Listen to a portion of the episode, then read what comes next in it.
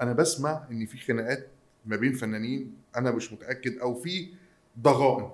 يعني لما تسمعي مثلا إن عادل إمام آه، زعلان من هنيدي وهنيدي زعلان من عادل إمام.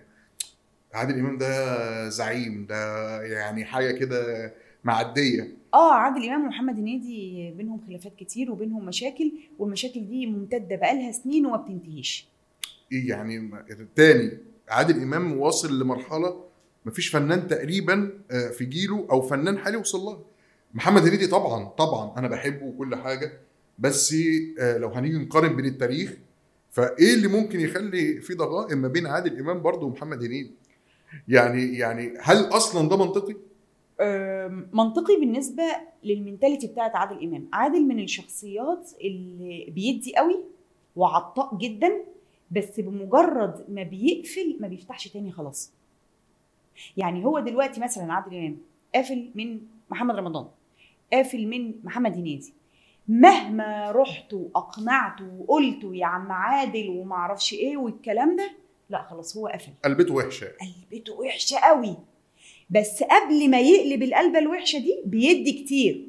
يعني هو الراجل طلع محمد هنيدي.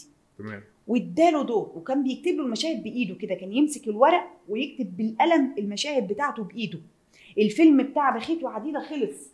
خلص خلاص؟ قال لك لأ. الفيلم ده مش هيخلص كده. هات لي مشهد لمحمد هنيدي أنا هكتبه وهو اللي هيقفل اللي هو كان ماشي في الشارع وعامل مجنون. آه لأ ده كاتبه بإيده بخط إيده. هو اللي كاتبه له. يعني ضافوا عشان يطلع محمد عشان هنيدي. ينجمه. أه.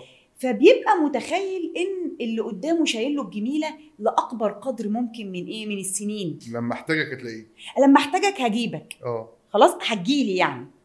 فيجي يقول له أنا عندي ليك دور في رسالة للوالد. فهنيدي قال له إيه؟ لا الدور ده مش مناسب ليا أو الدور ده صغير عليا أو أنا بدأت أكبر. أيوه. فخلاص بقى يعتبر إن أنت كده ناكر للجميل. خلاص روح بقى. طب ما وروح دي للأبد. ما تت يعني ما هنا بقى ما تتفهمش إن من حقه يكبر. عادل إمام نفسه بداياته كانت مشابهة لكده. كان بيطلع مع فؤاد المهندس وبعد كده بدأ يخرج من ظل فؤاد المهندس. دي يعني حاجة ما تعبش الفنان إن طموحه بدأ يكبر. آه بس خد بالك إن قد يكون عادل إمام خد وقت شوية على خد بالك آه إن عادل إمام من الشخصيات اللي عملت زي هنيدي كده في بداياته كتير جدا. يعني عادل إمام كان من الناس اللي بترفض وبشدة وبتعرف تقول لأ في أوقات الناس كانت بتستغرب. هو أنت إزاي تقول لأ على حاجة زي كده؟ إزاي ثلاثي ابواء المسرح لما الضيف أحمد اتوفى قالوا له تعالى مكانهم؟ قال لهم لأ. زي زي زي سمير غانم قال له تعالى مكان الضيف ونعمل الثلاثي من جديد. انت الوحيد اللي تنفع تيجي مكانه. قال له لا مش مناسب ليه يعني هو نفسه مر بالمرحلة دي؟ مر بيها ومر بيها كمان يعني مر بيها بأكتر من كده طب كمان. ليه سمير غانم مثلا ما زعلش منه؟ آه زعل شوية وخلاص والموضوع عدى بس عق- عقلية سمير غانم غير عقلية عادل إمام بكتير.